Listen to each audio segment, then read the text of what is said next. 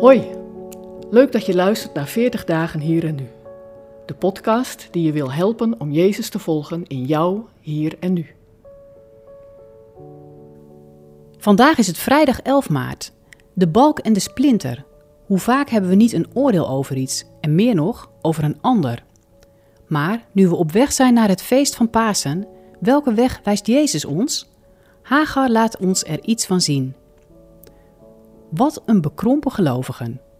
De gedachte schiet in mijn hoofd, voordat ik er ook maar iets aan kan doen.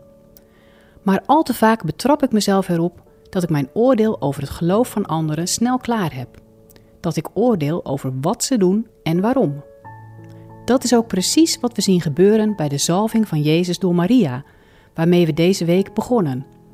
Een van de discipelen veroordeelt Maria om het dure cadeau dat ze meebrengt. In Johannes 12, vers 5 en 6 lezen we dat Judas Iscariot zegt: Waarom is die olie niet voor 300 denari verkocht om het geld aan de armen te geven? Dat zei hij niet omdat hij zich om de armen bekommerde. Hij was een dief.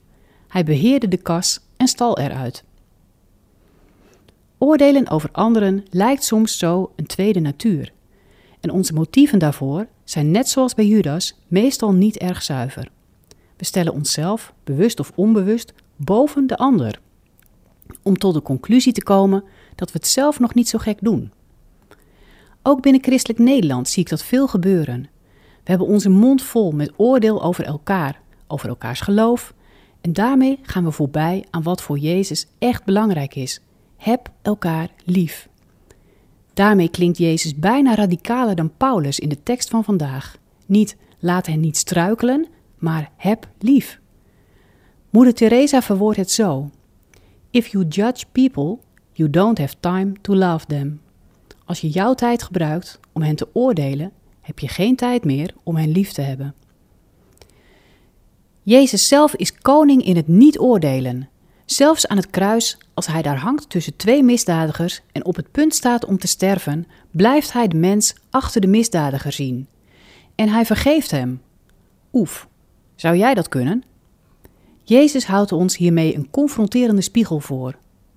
Wat zien wij als we naar de ander kijken? Jezus kijkt naar de ander als zijn broer of zus, als een kind van dezelfde vader, als het evenbeeld van God. En van daaruit handelt hij vol liefde, zonder oordeel. Een uitspraak van de schrijfster Anne Voskamp is me in dit verband altijd bijgebleven. We will never really reflect the image of Christ to the world unless we first see the image of God in everyone. We zullen nooit echt het beeld van Christus aan de wereld weerspiegelen, tenzij we eerst het beeld van God in iedereen zien. Ja, dus ook in die ene persoon die je misschien wel minacht of al lang veroordeeld hebt. Ook in die ene persoon die door de wereld al lang is afgeschreven. Want ook daarin ging Jezus ons voor. Hij keerde zich niet af van mensen die anders zijn of die buiten de maatschappij vallen. Hij zocht hen juist op.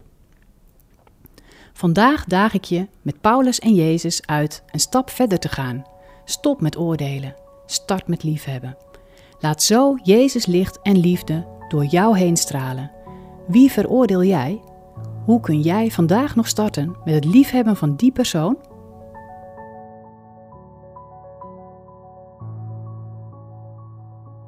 Wil je meer weten over deze podcastserie? Ga dan naar 40dagenhierennu.nl.